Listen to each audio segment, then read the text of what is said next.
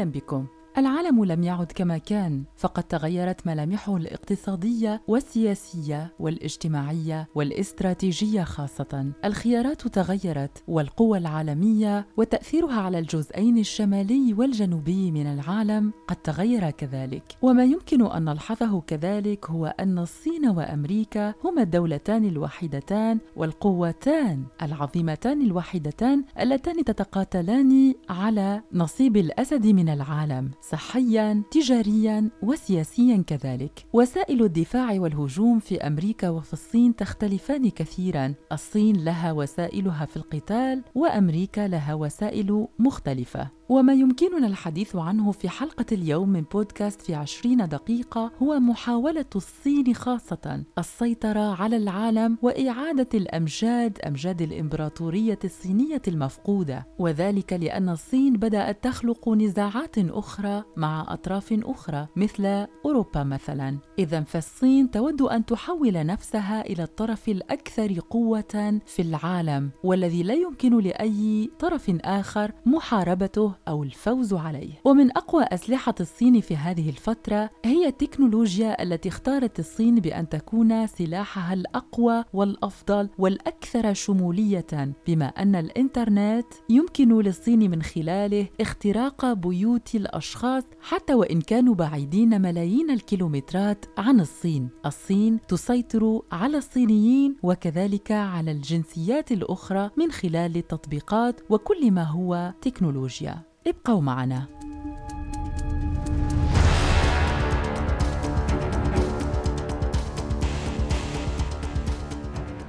الصين بدأت منذ فترة في إقامة مشاريع عملاقة تهدف من خلالها إلى إعادة أمجاد الإمبراطورية المفقودة، ومن أقوى المشاريع التي يمكن أن نتحدث عنها والتي عبرت من خلالها الصين على هذه الرغبة هي مشروع طريق الحرير الجديد، فالمشروع كان نقطة انطلاق البعد الاستراتيجي الذي رسمته الصين كي تسيطر على العالم، ومن خلاله كانت ترغب تحديدا في تدمير النفوذ الأمريكي العالمي والإستحواذ على مكانة أمريكا في العالم. هناك مجلة أمريكية تدعى ذا ويك نشرت منذ سنتين تقريبا لمحة على الخطة الصينية في هذا الإطار، وبحسب تقاريرها قالت بأن الصين تسعى للسيطرة على العالم في القرن الجاري وتحويله إلى قرن الأمجاد الصينية، والمفتاح لهذه السيطرة سيكون مشروع طريق الحرير الجديد والذي يمكن اعتباره من أضخم المشاريع الهندسية منذ عصر عصر الإمبراطورية الرومانية إلى الآن حيث يمتد بين عشرات الدول.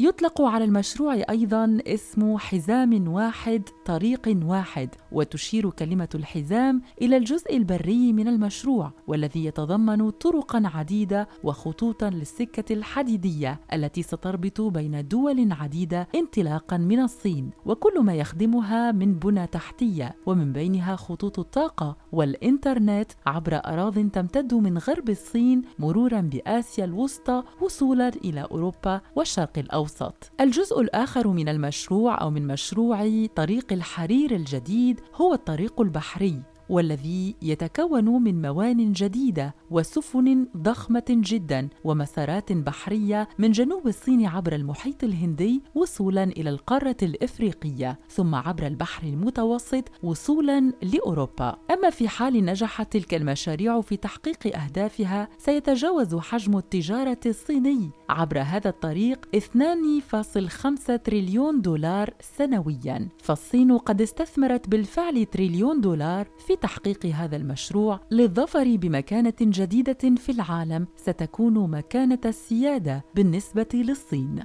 وبما أن الخبراء والمحللين في أمريكا من اقتصاديين وسياسيين كانوا قد تفطنوا لهذه الخطوات الجريئة التي تقوم بها الصين لتحتل مكانة أخرى ترنو من خلالها إلى افتكاك مكانة الولايات المتحدة الأمريكية يقول المحللون بأن ما تحاول الصين القيام به هو توفير بديل إيديولوجي بل وأخلاقي كذلك للنظام الأمريكي والغربي بشكل عام وللليبرالية على نطاق أوسع وأن الهدف هو استعادة أمجاد الإمبراطورية الصينية المفقودة كما قلنا في أول الحصة باعتبارها مركز القوة في العالم. منذ سبعينيات القرن الماضي اقتبس لبست فلسفة الصين الاستراتيجية شعار قائدها دينغ تشياو بينغ وهو العمل في صمت دائم وكامل للعودة. ولكن في سنة 13 و2000 وعقب انتخابه كرئيس رسمي للصين أعلن تشي جين بينغ أن الوقت قد حان لبلاده لتحقيق حلمها في العودة لسابق عهدها وإعادة الأمجاد القديمة. في خطاب سياسي قديم أمام رؤساء دول مختلفة من بينهم الرئيس التركي رجب طيب أردوغان ونظيره الروسي فلاديمير بوتين وغيرهم. قال الرئيس الصيني على مسامعهم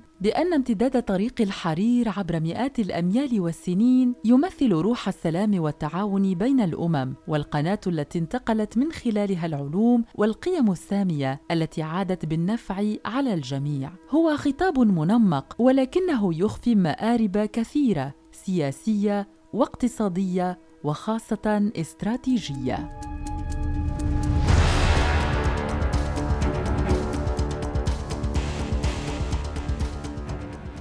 في تلك الفترة ألحت الصين على الولايات المتحدة الأمريكية للمشاركة في هذه الخطة وفي إنشاء طريق الحرير، إلا أنها رأت واستنتجت بأن سياسة الرئيس الأمريكي الجديد دونالد ترامب التي لا تضع سوى الولايات المتحدة الأمريكية في المرتبة الأولى وفي الاعتبار تعد سببا كافيا جدا كي تتقدم وتحاول أخذ مكان الولايات المتحدة بالقوة إذا لزم الأمر حتى تكون المحرك الأكبر للتجارة العالمية وهو ما تسبب في هدم المساعي التي كان يقوم بها أوباما خلال حكمه ومن ضمنها اتفاقية الشراكة عبر المحيط الهادي والتي تضم 12 دولة وتهدف إلى معادلة الصعود التجاري الصيني القوي. وفعلا فمنذ بداية انتشار جائحة كورونا والتي كانت الصين سببا فيها لاحظنا تراجعا كبيرا في القوى السياسية الكبرى اقتصاديا واستراتيجيا ومن أبرزها الولايات المتحدة الأمريكية. فقد انكمش الاقتصاد الأمريكي بشكل وبوتيرة لم تشهدها الولايات المتحدة الأمريكية من قبل. ونسبة كبيرة من المحللين الاقتصاديين والسياسيين حول العالم أكدوا بشكل واضح بأن الصين غيرت الأسلحة التي تستخدمها لهدم الاقتصاد الأمريكي وجعل الصين ترقى لمكانه. الصين توجهت للمخابر البيولوجية. لخلق فيروس سيعجز كل العالم أمامه وأول القوى التي ستكون عاجزة هي أمريكا. نرى أن هذه الأزمة هي أزمة القرن من الناحية الاقتصادية يعني مثل أزمة 29 1929 ولكن هذه الأزمة أخطر لأنها آه، أزمة آه، مترتبة عن فيروس عن عامل صحي ولا يمكن التنبؤ بنهايته والخروج منها لا يكون إلا عبر التلقيح والدواء الفعال وهذا مع الأسف غير متوفر الآن. يعني صندوق النقد الدولي يقدر أن خسائر العالم ستكون في حدود حدود 3.2% نرى أن أزمة الكوفيد 19 قد تؤدي حتى إلى إلى فقدان 5% من الناتج الداخلي الخام العالمي. وهذه نسبة آه، قياسية بكل بكل الحسابات بكل المقاييس منذ أزمة 29 التي أدت إلى الحرب العالمية الثانية. فالاقتصاد العالمي اليوم يمر بأكبر أزمة هيكلية آه، إضافة إلى أنها أزمة هيكلية وظرفية في نفس الوقت. يعني ثم عوامل موجودة قبل أزمة الكوفيد واليوم اليوم ثم هذا العامل يعني الفيروس آه، ووباء الكوفيد 19 عافانا وعافاكم الله. الذي أدى إلى هذه الأزمة الغير مسبوقة آه، والتي أدت إلى آه، عشرات الملايين ويمكن نوصل حتى ال 160 مليون عاطل العمل الإضافي في السوق العالمية للشغل دون احتساب الأزمات الإنسانية والكوارث الاجتماعية التي حلت في عديد البلدان، اذا هي بالمعنى الاقتصادي والاجتماعي أزمة القرن. وبما ان التكنولوجيا كذلك على غرار القطاع الصحي تعد من أهم العناصر والعوامل التي يمكن أن ترفع بلدا إلى مستويات عليا أو تتسبب أحيانا في انحداره وسقوطه في الهاوية. فقد اعتمدت الصين طريقة جديدة ومختلفة للحرب هذه المرة. الصين تشن حربا تكنولوجية اختراقات قرصنة واستحواذ على معطيات شخصية لأشخاص يستخدمون تطبيقات صينيه ذاع صيتها حول العالم. هي حرب ضروس تلك التي شنت بين الصين والولايات المتحدة الأمريكية حول مستقبل التكنولوجيا في العالم ولعل آخر الضحايا بحسب شبكة سي إن إن هو تطبيق تيك توك فائق الشعبية والمملوك لشركة الصينية بايت دانس تحت إدارة مدير تنفيذي أمريكي إذ تم حظر هذا التطبيق في الهند جراء اشتباك حدودي ساخن مع الصين وبهذا يمكن اعتباره بأن السياسة أو عالم السياسة له تأثير مباشر جدا على التكنولوجيا ما جعل أمريكا تنظر في حظر التطبيق كونه يعتبر تهديدا للأمن القومي على حد تعبير الولايات المتحدة الأمريكية. شركة تيك توك عامة يعني الشركة الأم البايت دانس زي ما حضرتك. أشرت هذه الشركة عليها علاقات وثيقة بالحكومة الصينية. ولو حضرتك بصيت على كل التقارير اللي خرجت من خبراء أمن المعلومات على مستوى العالم هتلاقي إن في بعض الصحفيين حتى بدأوا إن هم يجربوا يحطوا محتوى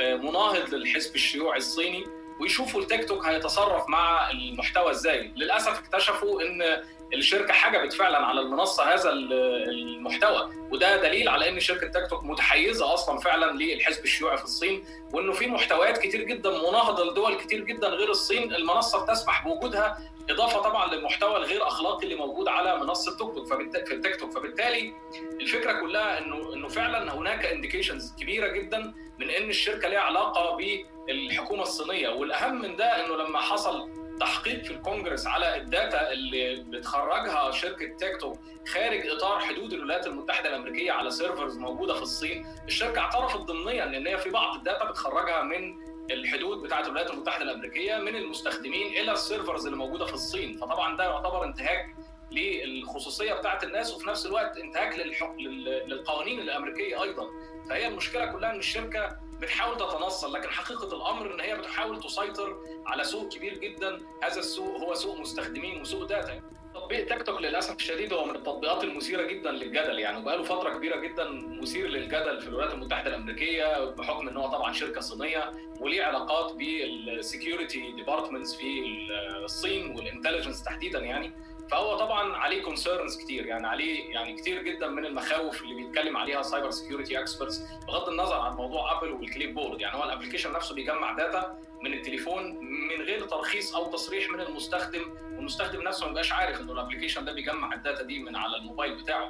علشان كده الولايات المتحدة الأمريكية يعني واخدة حذرها بشكل كبير جدا في آه، وزارة الدفاع في الجهات الأمنية إنه ما حدش يستخدم تطبيق تيك توك. بس من هنا لحد ما ما, ما ابل تبدأ تعمل update للقصة بتاعت ال clipboard أنا لا أنصح حد إنه يستخدم تيك توك. انت كمستخدم لازم تحسب ال risk. هل أنا محتاج فعلا تطبيق زي تيك توك ده يكون موجود على الموبايل بتاعي وأنا عارف إن هو بيتجسس عليا وبيجمع معلومات وبياخد معلومات؟ ممكن تكون معلومات يعني مضرة بالخصوصية بتاعتي ولا مش محتاجه. أنا ك user أو كمستخدم لازم أحسب ال risk لازم أحسب المخاطرة في أي نوع application أنا انزله على الموبايل. على غرار هذا تستخدم الصين هذا التطبيق لاستغلال المعطيات الشخصية لأشخاص يستخدمونه. حول العالم من دون أي طلب لترخيص الاستخدام. استثمارات الصين نمت في مجال التكنولوجيا بشكل متزايد جدا في السنوات الأخيرة وهذا في إطار خطة بكين الطموحة التي تدعى صنع في الصين 2025 وذلك للتخلص من اعتماد البلاد على التكنولوجيا الأجنبية من خلال إنفاق مليارات الدولارات في مجالات مثل الاتصالات اللاسلكية والرقائق الدقيقة والروبوتات. رد أمريكا كان بالسعي للحد من تقدم الصين في المجال التكنولوجي واتهام إدارة ترامب للصين بسرقة التكنولوجيا الأمريكية والأفكار الأمريكية وهي قضية جوهرية في الحرب التجارية المدمرة التي أثرت على العلاقة بينهما منذ سنتين تقريبا أي بداية من سنة 18 و2000 والأزمة ما تزال مستمرة إلى حد هذه اللحظة ولكن في تفاقم متزايد. أما عن المسؤولين الصينيين فقد نفوا مرارا وتكرارا هذه المزاعم التي أدلى بها ترامب وجدلوا بأن أي أسرار تقنية تم تسليمها كانت جزءا من صفقات تم الاتفاق عليها بين الطرف الأمريكي من ناحية والطرف الصيني من ناحية أخرى. ولا ننسى تلك العقوبات التي فرضتها الولايات الامريكيه الأمريكية على شركة التكنولوجيا الصينية البارزة في العالم هواوي. واتخذت خطوات للحد من وصول بكين إلى أسواق رأس المال الأمريكية الضخمة.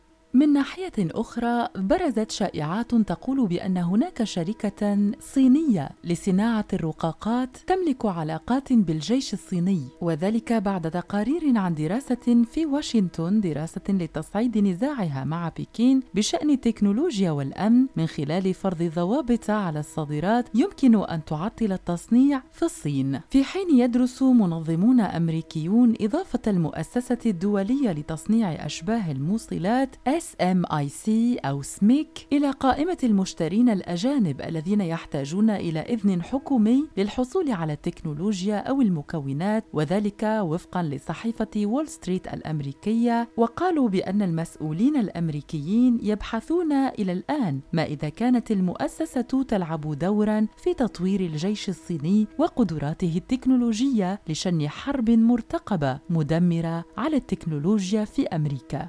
وفي الأول من سبتمبر أيلول الجاري أصدرت وزارة الدفاع الأمريكية البنتاغون تقريرها للعام 20 و2000 حول التطورات العسكرية والأمنية التي تتعلق بجمهورية الصين الشعبية. هذا التقرير سلط الأضواء على سياسة التنمية الاندماجية بين القطاعين العسكري والمدني في الصين إذ لا يوجد أي تمييز بين الاقتصاد المدني والعسكري، لذلك ركز التقرير بالأساس على الأهداف من وراء هذه السياسة، متطرقا إلى كيفية استخدام الحزب الشيوعي الصيني للتكنولوجيا وذلك في خدمة مآرب سياسية يمكن أن يستغلها الجيش الصيني لمحاربة الولايات المتحدة من ناحية، وتستخدم كذلك كل هذه المعلومات وهذه التكنولوجيات التي توضع على ذمة الجيش الصيني لأغراض قمعية داخلية كما هو الحال بالنسبة للأويغور وهونغ كونغ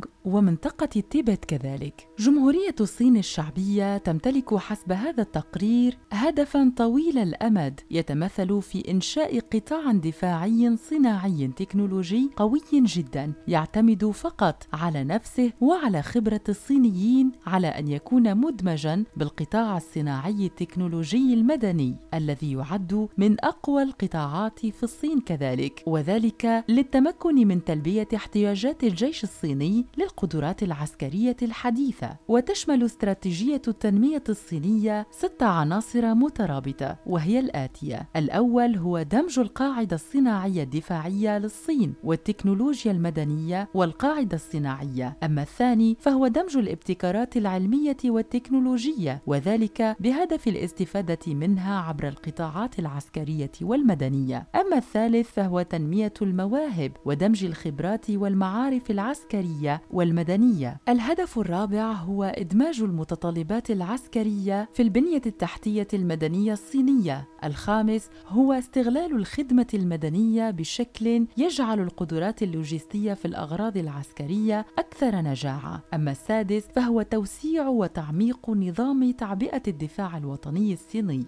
الصين استثمرت كثيرا من الأموال لتطوير القطاع التكنولوجي العسكري داخلها وذلك كما قلنا لاستخدامات خارجية وكذلك داخلية. ووصل الأمر بالحزب الشيوعي الصيني إلى الانطلاق في تصدير التكنولوجيا الصينية إلى أي وجهة دولية. هي على استعداد لغض الطرف وعدم الاكتراث لتصرفات الحزب الشيوعي الصيني خاصة إن تعلق الأمر بجرائمه الإنسانية ضد الأويغور. من إبادات جماعية وقمع وحث على العمل القسري وهتك للأعراض ومحاولاته المتكررة لمحو الهوية الإسلامية الأويغورية. وهذا على غرار الممارسات الوحشية التي قام بها الحزب الشيوعي الصيني في حق المتظاهرين في تايوان وقمع هذا الحزب لأبسط أنواع الحريات وهي حرية التعبير. نائب وزير الخارجية الأمريكي ستيفن بيجون يقول بأن الصين قادرة على تصدير المعرفة التكنولوجية التي ستساعد الحكومات الاستبدادية على تعقب المواطنين ومكافأتهم أو معاقبتهم من خلال نظام المراقبة الرقمية المتطور. كذلك يقول بأن الممارسات الاقتصادية الجائرة للحزب الشيوعي الصيني يمكن أن تفتح الطريق أمام حكم المستبدين والفاسدين على مستوى العالم ككل. وبهذا ينتشر النظام المستبد الذي يمكن أن يدمر بشكل كامل كل ما بنته الديمقراطية في العالم ككل.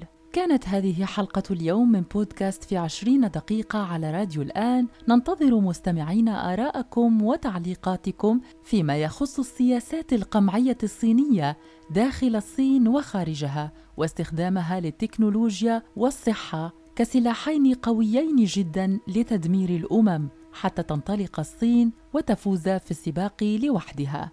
شكرا لكم على المتابعة والاهتمام. إلى اللقاء.